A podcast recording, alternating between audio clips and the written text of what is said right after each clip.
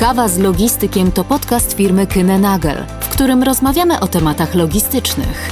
Przybliżamy kwestie związane z transportem i organizacją łańcucha dostaw oraz przedstawiamy aktualną sytuację rynkową. Po to, byś zawsze był na bieżąco dla swojego biznesu. Zapraszamy do wysłuchania.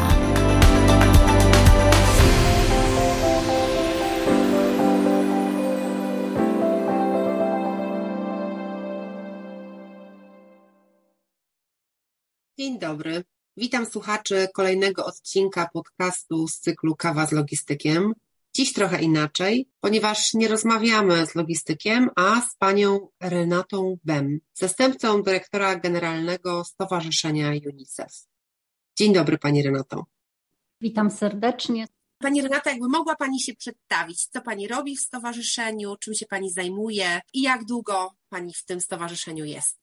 Współpracuję z UNICEF w Polsce już od ponad 12 lat w najróżniejszych rolach. Trochę najpierw poza organizacją jako osoba doradzająca, trochę na początku jako tłumacz, później zajmowałam się obszarami związanymi z procedurami wewnętrznymi, poprzez doradztwo na rzecz dyrektora generalnego i od czterech lat jestem na miejscu w organizacji już na, na stałe. Działam właśnie na tym stanowisku, na którym jestem. Do tego jestem członkiem zarządu, więc te, te obowiązki mam dosyć szeroko. A tak, żeby to sprecyzować, współpracuję bardzo ściśle z działem fundraisingu biznesowego i indywidualnego, czyli to są działy, które pozyskują środki od darczyńców indywidualnych i darczyńców biznesowych e, oraz z działem komunikacji marketingu. Mam nad nimi taki, nazwijmy to trochę nadzór. Czyli dyrektorzy po prostu do mnie raportują, wspólnie działamy, uzgadniamy, pracujemy na rzecz dzieci. Ile w stowarzyszeniu mamy osób zatrudnionych tutaj e, w Polsce i też na świecie? W tej chwili w UNICEF Polska mamy zatrudnionych około 50 osób, e, takich, które są tutaj na miejscu na stałe u nas w biurze i pracują w różnych obszarach naszej tutaj e, działalności lokalnej. Do tego mamy jeszcze ponad 50 tak zwanych fundraiserów. To są e, osoby, które pracują w terenie w Polsce i które zajmują się rekrutowaniem darczyńców stałych, czyli e, zajmują się opowiadaniem o naszej działalności i przekonywaniem indywidualnych darczyńców, żeby zechcieli wesprzeć nas poprzez zgodę na regularne obciążanie ich konta ustaloną przez nich kwotą. I takich, takich fundraiserów mamy w tej chwili ponad 50 w pięciu miastach Polski. Cały czas tę sieć rozbudowujemy. Także w sumie coraz jest nas więcej i myślę, że patrząc na potencjał naszego rynku, patrząc na potrzeby tu wewnątrz biura, ja myślę, że będziemy rośli. Na świecie UNICEF działa w 190 krajach. I mówiąc działa w 190 krajach, mam na myśli to, że w 33 krajach wysoko rozwiniętych zajmujemy się pozyskiwaniem środków, czyli tym, co robimy w Polsce. Korzystamy z możliwości finansowych tych krajów, żeby, żeby te środki na rzecz dzieci pozyskiwać. W pozostałych ponad 160 krajach prowadzimy bezpośrednio działania pomocowe. Więc e, szeroki zakres działań, szeroki zakres finansowania i ogromne potrzeby w zakresie finansowania oczywiście. Mhm, rozumiem, jak najbardziej. Pani Renato, a jakbyśmy mieli skupić się na tym, co robi UNICEF na co dzień, jakie to są projekty? Zawsze prowadzimy bardzo dużo projektów. My w naszym biurze szczególnie skupiamy się na projektach z obszaru fundraisingu, czyli pozyskiwania środków. Tak jak powiedziałam, od darczyńców indywidualnych i darczyńców e, biznesowych. To są rozmaite projekty. To są kampanie tematyczne, które pokazują problem w określonym zakątku świata i apelują do darczyńców o wpłaty.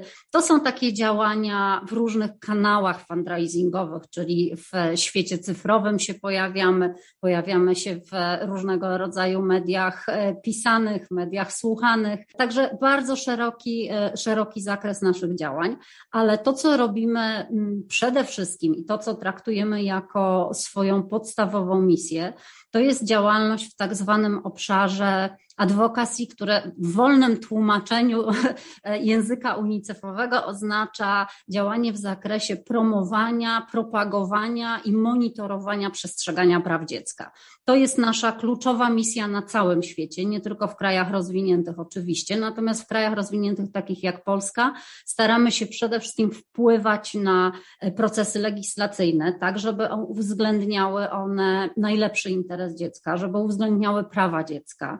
Więc e, to jest jedno z naszych działań. Działamy w obszarze edukowania młodych ludzi i mówiąc edukowania, mam na myśli edukację zarówno w obszarze pomocowym, czyli uwrażliwiania młodych ludzi na potrzeby innych, pokazywania im, jak wygląda świat ich rówieśników w innych krajach i jakie mają potrzeby ale również jest to taka edukacja na temat przysługujących młodym ludziom praw. Te prawa są bardzo szerokie i bardzo często jest tak, że mm, zarówno młodzi ludzie, jak i ich rodzice, jak i nauczyciele, pedagodzy nie mają świadomości, jak szerokie są te prawa i jak często są łamane. Dlatego tym właśnie się zajmujemy. To jest nasza kluczowa misja i działalność, wynikająca w dużej części z tego, że ratyfikowaliśmy konwencję o prawach dziecka. Nie wiem, czy, czy Państwo wiedzą, że Polska była inicjatorem powstania tej konwencji o prawach dziecka. To my zaproponowaliśmy w ogóle pierwszy tekst konwencji, więc tak naprawdę mamy wręcz, bym powiedziała, moralny obowiązek, żeby te prawa w naszym kraju jak najszerzej propagować i żeby e, monitorować ich przestrzeganie. Mhm. A w jaki sposób edukujecie, Pani Renato? Jak e, byśmy mieli głębiej wejść e, w ten projekt edukacyjny? Jak on się odbywa? Przede wszystkim współpracujemy z ponad ośmioma tysiącami placówek edukacyjnych w całej Polsce. To są przedszkola, to są e, szkoły podstawowe, szkoły średnie, które na co dzień realizują nasze projekty edukacyjne. To są zazwyczaj materiały, które przygotowują nasze koleżanki właśnie zajmujące, zajmujące się współpracą z, ze szkołami, z jednostkami edukacyjnymi. E, to są materiały dla nauczycieli, które pozwalają im łatwo prowadzić zajęcia lekcyjne, które pozwalają ukierunkować ich, jeżeli chodzi o przekazywaną wiedzę. No i jednocześnie myślę też, że poszerzają wiedzę samych nauczycieli, bo to często nie są oczywiste rzeczy. To jest jeden z takich kluczowych obszarów, w które my się angażujemy. Staramy się też oczywiście tam, gdzie jest to możliwe, spotykać się z młodymi ludźmi, spotykać się na różnych forach, opowiadać o, o działaniach, opowiadać o prawach dziecka y, i o sposobach, w jaki mogą one być realizowane. Jednym z takich, myślę, sztandarowych e, projektów, które e, też są częścią działalności edukacyjnej naszej, ale bardziej też takiej działalności, która pozwala nam realnie wpływać na to, żeby te prawa dziecka były w Polsce realizowane, to jest taki program realizowany z miastami, miasta przyjazne dzieciom. To jest bardzo ciekawy program, globalny program UNICEF. On powstał już ponad 21 lat temu i na świecie tytuł miast przyjaznych dzieciom mają takie miasta jak Paryż, Londyn czy Quebec. Oczywiście wiele też mniejszych miast w różnych krajach. Te kraje, w których UNICEF działa, te kraje rozwinięte, mają dosyć szerokie sieci miast przyjaznych dzieciom. W Polsce myśmy przystępowali do tego programu trochę z takim niepokojem, ponieważ e, to jest bardzo skomplikowany, bardzo, bardzo wymagający program. Wymagający przede wszystkim dlatego, że żeby otrzymać tytuł miasta przyjaznego dzieciom, miasto musi spełnić szereg wymogów i podjąć szereg bardzo realnych działań, które realnie zmienią życie dzieci w ich e, społecznościach. E, I są to działania przede wszystkim z zakresu e, zapobiegania dyskryminacji, respektowania praw dziecka, promowanie partycypacji dzieci w życiu społecznym, e, w życiu lokalnych społeczności i podnoszenie jakości życia dzieci w mieście, chociażby w obszarze dostępu do opieki zdrowotnej, właściwej opieki zdrowotnej, czy dostępu do edukacji. Także to są bardzo, bardzo szerokie działania. Miasta muszą przewidzieć w specjalnym planie, planie, który przygotowują we współpracy z nami, muszą najpierw zdiagnozować w ogóle w jakiej sytuacji znajdują się dzieci w ich, e, w ich obszarach, przygotować ten plan, a następnie go realizować. I to wszystko jest oceniane przez zewnętrznych ekspertów, których my powołujemy, we współpracy oczywiście tutaj z naszymi e, wewnętrznymi ekspertami. I dopiero po takiej ocenie i po podjęciu tych realnych działań miasto otrzymuje tytuł Miasta Przyjaznego Dzieciom. Więc jest to jeden z naszych takich sztandarowych projektów, które naprawdę działają i naprawdę zmieniają życie dzieci. Są trudne, są wymagające, ale miasta są nimi zainteresowane, ponieważ widzą, że mogą zrobić coś prawdziwego, coś, czym będą mogły się też pochwalić. W tej chwili mamy w Polsce jedno miasto, które otrzymało tytuł Miasta Przyjaznego Dzieciom, to jest Gdynia. E, otrzymało miesiąc temu, więc e, wielkie święto dla UNICEF w Polsce. Cztery lata trwał proces przyznawania tego tytułu, proces dokonywania tych wszystkich czynności i podejmowania tych działań, które pozwalają na nadanie tego tytułu. Teraz Gdynia ma przed sobą dwa lata wdrażania wszystkich zaplanowanych kroków, a potem następuje ponowna ocena i tytuł może być odebrany albo przedłużony. Oprócz tego mamy jeszcze osiem chyba miast w tej chwili, które podpisały już akces do programu i rozpoczęły działania prowadzące do tego, żeby kiedyś ten tytuł otrzymać. Także tego typu działania podejmujemy w Polsce. Super. Czy to są miasta i duże, i małe, czy, czy jakieś muszą być warunki spełnione dotyczące liczby mieszkańców? E, jakie miasto może się zgłosić? Może się zgłosić każde miasto, które ma chęć energię, inicjatywę i wolę, żeby zmieniać życie dzieci, zmieniać jakość życia dzieci i młodzieży, bo to jest też młodzież w swoich miastach. W tej chwili my w programie, oprócz Gdyni, która tytuł otrzymała, mamy na przykład takie miasta jak Konin czy Grodzisk Mazowiecki. To są nieduże w sumie miasta, e, ale jest też w programie Kraków, który rozpoczyna swoją drogę, czy też Poznań, więc wielkość nie ma tu znaczenia. Znaczenie ma, mają chęci i energia do działania na rzecz dzieci. Mhm. No to na pewno życzymy, żeby tych miast było jak najwięcej e, w Polsce. Czy informacje o tym programie można znaleźć też na stronie internetowej, gdyby ktoś z miasta nas słuchał i był zainteresowany? Oczywiście jest cała oddzielna część naszej strony internetowej poświęcona temu programowi. Jest tam też kontakt do naszej pani koordynator od tego programu. E, na pewno można się wtedy więcej dowiedzieć. Chętnie przesyłamy dodatkowe materiały, żeby, żeby miasta mogły w sposób świadomy podjąć decyzję, czy chcą uczestniczyć w tym programie. Super. Pani Renato, z tego co wiem, to założycielem UNICEF-u był Polak. Czy możemy trochę wrócić do korzeni i powiedzieć, jak UNICEF e, długo działa? I, I skoro założycielem był Polak, to czy siedziba była w Polsce? No nie do końca, ale rzeczywiście ma Pani rację, może nie tyle założycielem, co pomysłodawcą. Pomysłodawcą był Polak, e, pan dr Ludwik Reichmann, który, to był lekarz bakteriolog. E, chyba postać jakoś niepowszechnie znana w Polsce, natomiast my bardzo chętnie do tego nawiązujemy, bo to jest taki e, miły akcent w historii pomoco, pomagania dzieciom, miły akcent i nasz, nasz ślad pozostawiony globalnie. Pan dr Ludwik Ludwik Reichmann został swego czasu już ponad 75 lat temu, bo tyle istnieje już UNICEF na całym świecie.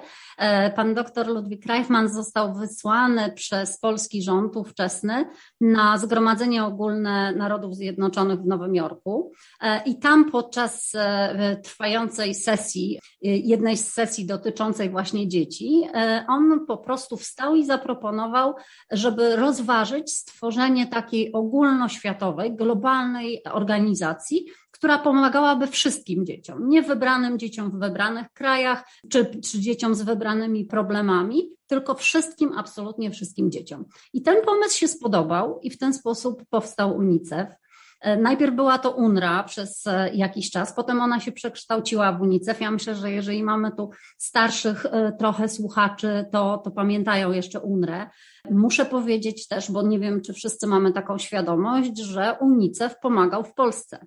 Zaraz po II wojnie światowej przez wiele, wiele lat UNICEF w Polsce pomagał, był obecny, właśnie na początku jako UNRA, później już jako UNICEF, dostarczał artykuły dla dzieci. Dostarczał na przykład słynne mleko w proszku, które było dosyć e, powszechnym wtedy produktem. E, I jak to się stało, że teraz UNICEF zbiera pieniądze w Polsce? Stało się tak, że w 2002 roku Polska została uznana za kraj wysoko rozwinięty e, i zmieniła się rola UNICEF. Nadszedł czas trochę, żeby jakby ten nazwijmy to dług, chociaż tego w ten sposób nie rozumiemy, zacząć spłacać, żeby zacząć zbierać środki, które mogłyby być przekazane na zewnątrz, czyli przekazane tam, gdzie są najbardziej potrzebne, gdzie dzieciom dzieje się krzywda, gdzie dzieci są, żyją w złych warunkach i w trudnych sytuacjach. Pani Renato, a gdybym miała tak poruszyć temat tych proporcji, ile mamy tych krajów rozwiniętych, a ile mamy tych nierozwiniętych? Jak to wygląda? Kto, kto pomaga komu? My zbieramy środki w 33 krajach. W 33 okay. krajach rozwiniętych. To są oczywiście w dużej części kraje e, europejskie, ale to też jest e, Australia, to też są Stany Zjednoczone, E, oczywiście to są wielkie rynki i wielkie środki z tych rynków są zbierane i przekazywane na pomoc. Natomiast realnie pomoc niesiemy w ponad 160 krajach, ale też musimy pamiętać, że w tych krajach rozwiniętych UNICEF się angażuje. Teraz pojawiła się sytuacja wojny w Ukrainie, gdzie mamy ogromne przemieszczanie się uchodźców z Ukrainy do krajów ościennych, w tym do Polski, do Rumunii, na Węgry, e, do Czech. I to są kraje teoretycznie wysoko rozwinięte, a UNICEF się w tych krajach ponownie pojawił po to, żeby nieść pomoc e, dzieciom e, z Ukrainy, uchodźcom z Ukrainy.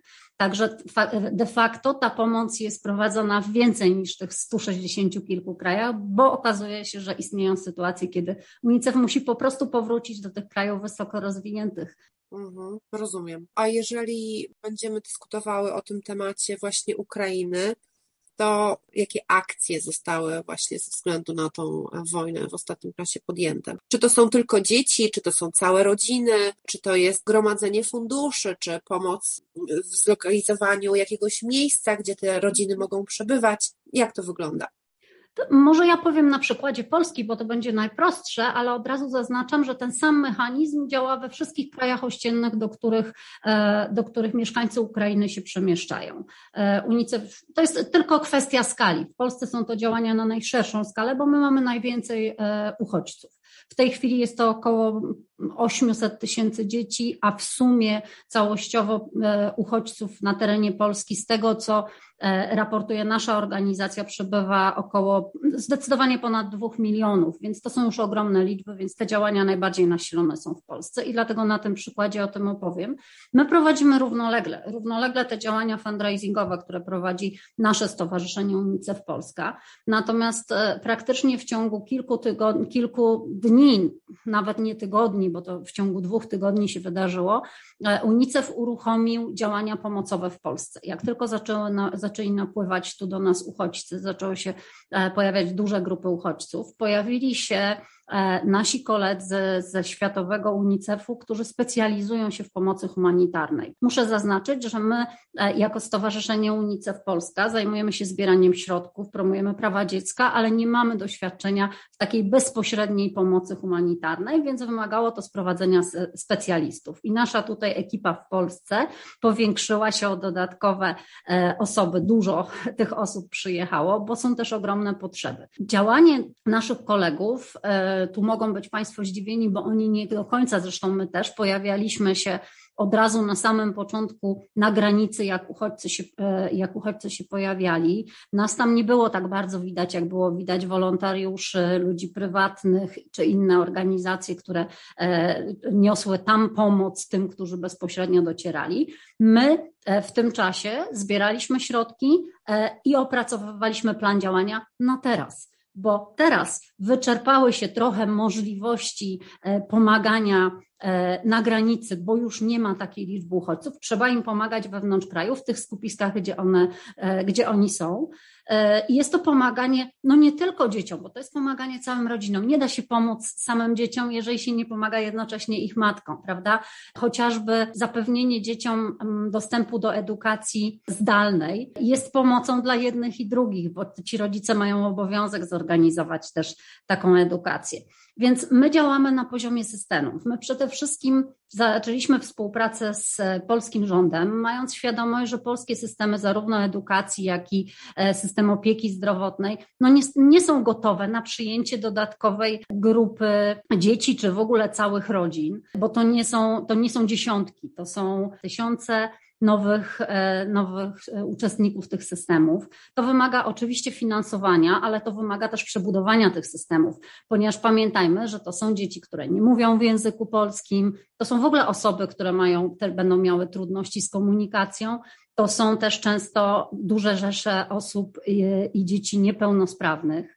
E, więc należy zapewnić im właściwą opiekę, właściwe możliwości w ogóle życia. I my się tym właśnie zajmujemy. I to się dzieje na poziomie współpracy z rządem, wzmacniania i przebudowania istniejących systemów, tak żeby mogły te osoby przyjąć, ale też na poziomie samorządów, czyli to są miasta. W tych miejscach, gdzie są największe skupiska uchodźców ukraińskich, to jest w tej chwili 12, 12 miast w Polsce, mamy podpisane umowy z samorządami, na mocy których ze środków, które my zapewniamy, są realizowane konkretne działania na rzecz uchodźców. To są działania, na przykład, tu odpowiadam na Pani pytanie, czy to dotyczy też osób dorosłych. Tak, dotyczy, bo to są działania związane ze szkoleniem na przykład nauczycieli, e, dostosowaniem ich do polskiego systemu. To są działania finansujące pensje ukraińskich nauczycieli. Polski rząd nie ma dodatkowych środków, bo i tak ma u siebie wewnętrznie, jak wiemy, pewne kłopoty z, z, systemem edukacji. Więc to są różnego rodzaju działania. To są działania na przykład polegające na współfinansowaniu i współorganizacji centrów rehabilitacji dla dzieci z niepełnosprawnościami. I też odpowiadając na Pani pytanie, to nie są tylko działania na rzecz dzieci, a już na pewno nie tylko na rzecz dzieci ukraińskich, ponieważ one są otwarte dla wszystkich. Nigdzie nie jest napisane, że to są tylko dla dzieci uchodźców. To są centra, do których mają dostęp również dzieci polskie, więc dodatkowo jest to wzmacnianie i rozbudowywanie polskich systemów, systemu opieki zdrowotnej, systemu edukacji. Także to są tego typu działania. Tu na miejscu, co ważne, My współpracujemy z lokalnymi organizacjami pomocowymi, tymi, które tutaj są w Polsce. Są stowarzyszenia, fundacje, to, to są też nawet harcerze, z których pomocy od pierwszego dnia, jak jesteśmy, tutaj korzystamy. E, I to jest bardzo skuteczna forma działania, bo to są organizacje, które są w Polsce, były w Polsce, znają polskie realia, czego niekoniecznie musi to być przypadek naszych kolegów, którzy przyjeżdżają z całego świata, z różnych e, systemów, z różnych okoliczności i środowisk, więc oni niekoniecznie muszą wiedzieć, co w Polsce jest ważne, jak e, działać, z kim się kontaktować. E, współpraca z takimi organizacjami jest bezcenna.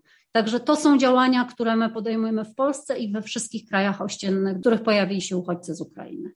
Mhm.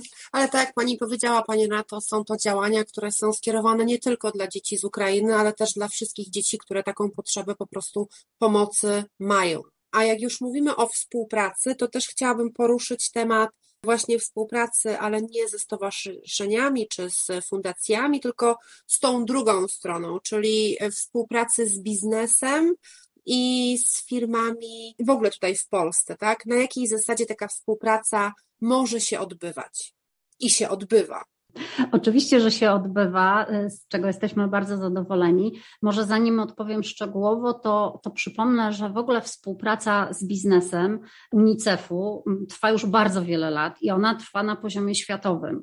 Również to nie są tylko takie y, współprace lokalne w poszczególnych krajach, gdzie UNICEF funkcjonuje, y, to, to są też ogromne partnerstwa z ogromnymi światowymi firmami. Nie będę pewnie wymieniać nazw, ale znamy przecież ogromne, ogromne korporacje międzynarodowe, które podpisują umowy z naszą organizacją e, i działają w ten sposób, jakby komunikują swój fakt uczestnictwa i wspierania, e, wspierania UNICEF-u e, w kilkunastu lub kilkudziesięciu krajach jednocześnie.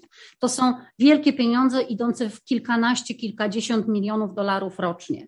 Oprócz tego, tak jak Pani słusznie powiedziała, współpracujemy z biznesem lokalnie, w tym oczywiście z biznesem w Polsce. W świecie idealnym byłoby tak, że chcielibyśmy, żeby firmy angażowały się e, finansowo, oczywiście tak, ale żeby też angażowały swoich pracowników, żeby było takie poczucie, że robimy to wszyscy razem, że dla firmy ważne są te działania społeczne, działania pomocowe, żeby ich pracownicy to widzieli i mieli też szansę włączenia się w to. Więc to jest, to jest taki nasz scenariusz idealny, który się staramy realizować, współpracując z biznesem w Polsce. Staramy się e, zachęcać wszystkich do pomagania. Często jestem o to pytana, czy firmy e, małe angażują się chętniej, czy duże, czy średnie. Nie mam na ten temat jasnej odpowiedzi. E, angażują się te firmy, dla których społeczna odpowiedzialność biznesu jest czymś realnym, jest czymś, co naprawdę czują, co jest w ich DNA i chcą coś w tym obszarze zrobić i zrobić tak naprawdę. Tu bardzo doceniam i ogromne podziękowania zawsze przekazuję, jeżeli mam taką możliwość, tym firmom, które naprawdę to czują i naprawdę chcą pomagać, bo chcą widzieć efekt swojego pomagania. I myślę, że to jest najważniejsze, że tu nie chodzi o to, żeby po prostu przekazać środki, chodzi o to, żeby zobaczyć, jak realnie jesteśmy w stanie zmienić świat za te środki. To, co jest dla nas bardzo ważne we współpracy z biznesem, i też to podkreślam, my mamy oczywiście ogromną rzeszę darczyńców indywidualnych, bez których nie bylibyśmy w stanie funkcjonować.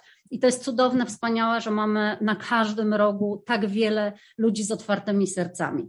Natomiast to, co daje nam współpraca z biznesem, to jest możliwość szerokiego zaplanowania działań. Bo z biznesem zazwyczaj są to umowy. Umowy, które przewidują przekazanie określonych środków czy podjęcie określonych działań e, w jakiejś przestrzeni czasowej. Więc my wiemy, że w konkretnym okresie będziemy dysponowali konkretną kwotą, za którą możemy zaplanować działania. Możemy zaplanować, że na Madagaskarze będziemy budowali szkołę i wiemy, że jak zaczniemy to robić, to za rok będziemy mieli pieniądze na kontynuację. E, właśnie dlatego, że to są zazwyczaj większe kwoty i kwoty, które są gdzieś tam zaplanowane. Mhm. Także to są takie istotne elementy naszej współpracy z biznesem.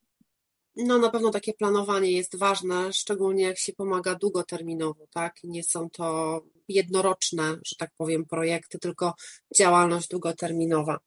Bardzo ładnie to Pani powiedziała, przepraszam, że wchodzę w słowo, ale rzeczywiście to jest tak, co ja też często powtarzam w rozmowach z przedstawicielami biznesu, którzy pytają, czy robimy to jednorazowo, czy, czy chcemy współpracować przez dłuższy czas. E, ja zawsze mówię, że to są działania długofalowe, te, które my podejmujemy. E, to są takie działania, że trudno powiedzieć dziecku, że jutro już nie będziemy ci pomagać, bo nie mamy już pieniędzy, prawda? Jeżeli podejmujemy to zobowiązanie, e, że wybudujemy szkołę, że umożliwimy edukację, że coś zmienimy w życiu danej społeczności, bo my pomagamy całym społecznościom. Pamiętajmy, że my nie pomagamy jednemu dziecku, tylko całym społecznościom. Podejmiemy takie zobowiązanie, to ciężko jest potem powiedzieć, no nie, nie mamy już za co. Dlatego te działania muszą być długofalowe i muszą być zaplanowane. Mhm. To jeszcze chciałabym wrócić do tego tematu, jak takie osoby indywidualne mogą pomóc, bądź jak firma może włączyć w pomoc swoich pracowników. Osoby indywidualne mają cały szereg możliwości pomocowych e, i tu te, od razu podkreślam, że chęć pomagania jest najważniejsza. Nie zasobność portfela, tylko chęć pomagania. My mamy w tej chwili jako, e, jako UNICEF Polska mamy ponad 120 tysięcy regularnych darczyńców.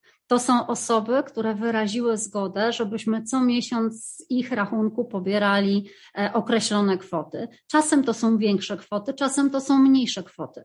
E, tak naprawdę każda złotówka robi ogromną różnicę. To jest jeden z takich sposobów, ale są też sposoby, które nie wymagają praktycznie od nas niczego. Wystarczy wpisać, to o czym Pani zapewne doskonale wie, wystarczy wpisać w rozliczeniu rocznym, w picie e, numer KRS e, i też te środki są przekazywane na pomoc. To są działania e, chociażby w ramach naszego programu testamentowego można UNICEF lub każdą inną organizację pomocową uwzględnić w testamencie. I wcale nie trzeba do tego być milionerem i mieć do zapisania stu nieruchomości. Można zapisać choćby przysłowiową kwotę tysiąca złotych, która też zmieni czyjeś życie i też dzięki temu pozostawimy po sobie jakiś ślad. Także tych możliwości e, pomocowych jest bardzo, bardzo wiele dla indywidualnej osoby. Niekoniecznie wiążą się z przekazywaniem dużych kwot. Jeżeli chodzi o firmy i zaangażowanie pracowników, Zależnie od tego, jakie firma ma potrzeby, w jaki sposób pracownicy chcieliby się zaangażować, bo to też jest bardzo ważne. Że my zawsze powtarzamy, rozmawiając z firmami, że my nie chcemy, nie chcemy pracowników zmuszać, żeby robili to czy tamto, e, czy podejmowali takie czy inne działania, bo bardzo byśmy chcieli, żeby chęć tych działań pomocowych, e, włączania się w nasze działania była pochodziła właśnie od pracowników, żeby, żeby to była ich inicjatywa, że chcą zrobić coś dobrego, e, że mają na to jakiś pomysł.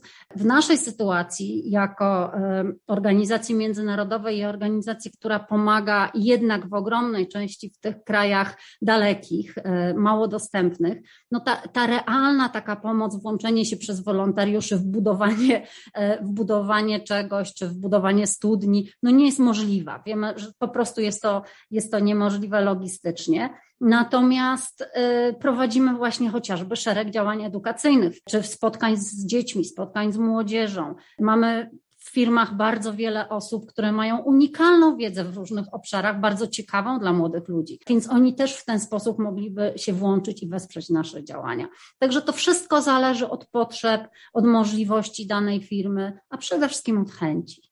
Mhm. Bo Pani Renato, dzieci to też nie są tylko dzieci, które są małe, tak? Które mają rok, dwa, trzy, czy pięć, sześć, siedem lat, ale dziećmi też są, jak rozumiem, nastolatkowie, którzy również potrzebują pomocy, doradztwa, czy, czy jeszcze jakiejś innej formy.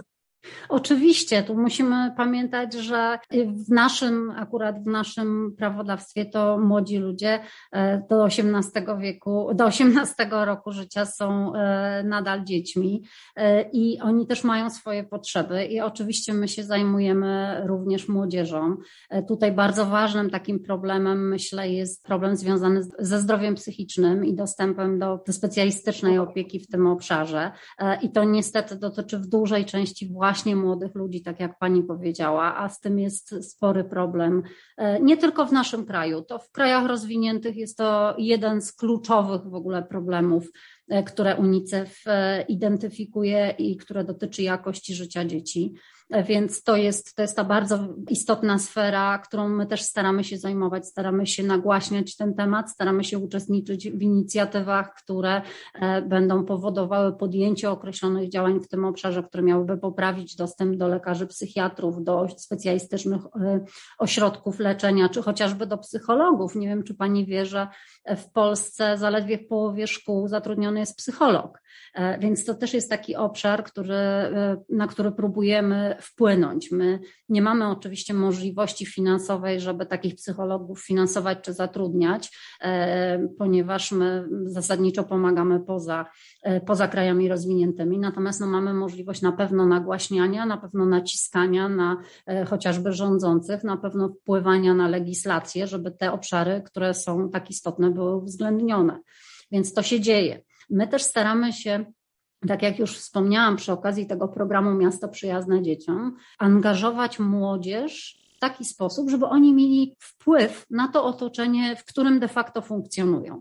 E, I tu bardzo fajnym przykładem jest fakt tworzenia młodzieżowych rad miejskich w tych miastach, które działają w programie Miasta Przyjazne Dzieciom, takie młode, młodzieżowe rady są tworzone. Ja na przykład, będąc w Gdyni, przy okazji nadania Gdyni tytułu Miasta Przyjaznego Dzieciom, rozmawiałam z przedstawicielami Młodzieżowej Rady. Oni byli obecni na uroczystości i proszę sobie wyobrazić, że to nie są żadne działania pozorne. Taka rada spotyka się regularnie, zupełnie jak Rada Miasta. Są zgłaszane konkretne problemy, są e, wymyślane konkretne rozwiązania na problemy dotyczące młodzieży, czego im brakuje, co chcieliby zaproponować. Oni mają naprawdę bardzo, bardzo ciekawe inicjatywy, e, które mnie zaskoczyły i które potem przekazują na posiedzeniach, bo są zapraszani, przedstawiciele takich młodzieżowych rad są zapraszani na posiedzenia rad miejskich, tam są wysłuchiwani. Jednym z założeń właśnie programu Miasto Przyjazne Dzieciom jest to, aby byli wysłuchiwani i aby ich inicjatywy były brane pod uwagę, były realizowane na tyle, na ile jest to oczywiście możliwe. Więc tak naprawdę też bardzo ważny obszar naszych działań, czyli tak zwana partycypacja młodych ludzi w życiu społecznym. Super, niesamowite, Pani Renato. Potrzeby są ogromne, tak? Nie tylko w Polsce, ale też e, w innych państwach, rejonach świata. Jak Wy wybieracie te projekty? bo to jest bardzo ciężkie zadanie, zastanowić się, co jest ważniejsze jedno od drugiego. Czy, czy macie jakieś kryteria, którymi się, że tak powiem, sugerujecie? To jest bardzo ciekawe pytanie i jednocześnie bardzo trudne pytanie, dlatego że my przede wszystkim reagujemy na to, co się dzieje. To jest nasza e, pierwsza i podstawo, pierwszy i podstawowy obszar naszych działań, to jest reagowanie na sytuacje kryzysowe. I jak pani doskonale wie, sytuacji kryzysowych na całym świecie jest mnóstwo. E, one są różne, tak? W jednych krajach to będzie kataklizm, bo jest powódź, bo jest e, huragan, trzęsienie ziemi. One się zdarzają. W innym kraju będzie trwał konflikt zbrojny, wieloletni konflikt zbrojny. Mamy tego całą masę przykładów. Syria, Jemen, ponad 10 lat trwające konflikty zbrojne, które bezwzględnie całkowicie niszczą życie dzieci i de facto powodują zniszczenie całych pokoleń a wręcz bym powiedziała, pokolenia, które wyrastają i pozostają po takich konfliktach, to są stracone pokolenia. Niestety musimy o tym mówić otwarcie. E, więc to są takie obszary, w których my, my działamy przede wszystkim, bo dzieciom się dzieje krzywda, widoczna krzywda. E, natomiast pozostałe obszary, czyli właśnie takie jak kwestie związane ze zdrowiem psychicznym, takie jak kwestie związane z prawami dziecka, to są wszystko projekty, które my prowadzimy cały czas. One się nigdy nie kończą. To są projekty które w tych, przede wszystkim w krajach rozwiniętych, bo tak naprawdę my musimy pamiętać o tym, że te problemy, takie bieżące problemy dzieci, one nie tylko występują w tych e, krajach rozwijających się, tam są inne. Tam jest problem, że łamane są prawa dziecka do życia, do przeżycia, do dzieciństwa. To są trochę inne problemy, e, czy też ochrony przed przemocą. W krajach wysoko rozwiniętych my musimy zupełnie inne standardy stosować. Mamy tu do czynienia z innymi problemami i też musimy je nagłaśniać i próbować rozwiązać na bieżąco, więc one cały czas trwają. Tu nie ma czego wybierać. Jest tak, że czasem pojawiają się takie obszary, właśnie jak teraz e, wiem, że powtarzam to, ale niestety to jest kluczowy problem, z którym w tej chwili się mierzymy. To jest właśnie zdrowie psychiczne dzieci i młodych ludzi. Ten temat wybrzmiewa czasem głośniej, czasem ciszej, ale my cały czas e, w tym obszarze też, e, też działamy. Więc tak jak powiedziałam, działamy w sytuacjach kryzysowych, ale działamy też e, każdego dnia w tych obszarach, które są istotne dla życia i jakości życia dzieci. Mhm, rozumiem. E, pani Reto, jeszcze bym chciała jeden temat poruszyć. Mhm. E, w 2020 roku Polska zajmowała 31 miejsce w rankingu jakości życia dzieci. I ranking był opracowywany na bazie wskaźników dotyczących jakości życia dzieci w trzech obszarach, czyli ten dobrostan psychiczny, zdrowie fizyczne oraz kompetencje społeczne i edukacyjne. Bazując na tym raporcie, który z tych obszarów jest najbardziej zaniedbany, czy niedofinansowany, z czego to wynika? Czy to właśnie to zdrowie psychiczne? Dokładnie ma Pani rację. E, niestety to jest tak, że zdrowie psychiczne i dobre samopoczucie e, to są te kluczowe elementy wpływające na jakość życia dziecka. E, no i niestety w tym obszarze Polska zajęła dopiero 30 miejsce, mm, czyli ten, ten obszar wypadł najgorzej ze wszystkich badanych obszarów. No wiemy doskonale, jak wygląda dostęp do opieki psychiatrycznej i psychologicznej dla dzieci, szczególnie w mniejszych miastach. To jest też ogromny problem, że w Polsce jest zróżnicowanie w tym obszarze pomiędzy mm, dużymi ośrodkami a mniejszymi, mniejszymi miastami. Wiemy też, że brakuje lekarzy psychiatrów, psychologów. E, tak jak wspominałam, tylko w połowie szkół jest zatrudniony psycholog. Także rzeczywiście ten obszar w tym raporcie, jeżeli chodzi o Polskę, wypadł zdecydowanie najgorzej. E, no i to wynika z, przede wszystkim z wieloletnich zaniedbań, które będzie bardzo trudno nadrobić, bo to tutaj jest kwestia i finansowania, i legislacji, e, i przede wszystkim dostrzeżenia problemu. Myślę, że to jest przyczyna, dlaczego słabiej wypadliśmy w tym obszarze. Najlepiej wypadliśmy w obszarze kompetencji edukacyjnych w, w, tym raporcie, e, ale już na przykład kompetencje społeczne naszych polskich dzieci to pozostawiają wiele do życzenia. Także tak mniej więcej się uplasowaliśmy w tym raporcie, ale trzeba pamiętać, że te wszystkie te obszary są ze sobą powiązane i zaniedbania w jednym z tych obszarów przekładają się na wszystkie pozostałe. To nie jest tak, że można to w całości rozdzielić. Mhm. Ja widzę trochę światełko w tunelu ze względu na to, że mieliśmy tą e, pandemię i trochę rozwinęły nam się te opcje pomocy też zdalnej. Niewątpliwie jest to y, plus y, całej tej, jeżeli można w ogóle mówić o plusach jakiejkolwiek tak. pandemii, to niewątpliwie obszar y, właśnie takiego zdalnego dostępu do różnego rodzaju świadczeń i usług to jest jakiś plus. Natomiast pamiętajmy, że w wielu przypadkach niestety są to bardzo skomplikowane i bardzo zaawansowane problemy, których no, rozmowa przez internet nie załatwia. Jednak ten dostęp powinien być jak najszerszy, nieograniczony wręcz bym powiedziała, i sprowadzający się do możliwości fizycznego kontaktu z kimś, kto może nam pomóc. Mhm. Pani Renato, ja bardzo Pani dziękuję za ten dzisiejszy czas i za naszą e, rozmowę. Myślę, że mogłybyśmy jeszcze kontynuować długo, e, rozmawiając zarówno o tych inicjatywach, potrzebach i projektach, jakie są e, prowadzone. Może zrobimy to jeszcze w przyszłości, dlaczego nie? Oczywiście z racji też tej naszej inicjatywy związanej z obchodami 30-lecia zapraszamy wszystkich e, słuchaczy do tego, żeby wypełnili ten quiz i oczywiście oddali swój głos na UNICEF. Ja bardzo dziękuję Pani Renato za, za naszą wspólną rozmowę. Bardzo dziękuję za zaproszenie i za możliwość opowiedzenia, mam nadzieję, trochę ciekawych rzeczy, interesujących i trochę takich nieznanych e, o naszych działaniach. E, zawsze z przyjemnością porozmawiam o UNICEF-ie i o naszych działaniach mogę mówić godzinami, tak jak Pani zauważyła, więc e, chętnie w każdej chwili. Dziękuję bardzo. Dziękuję uprzejmie.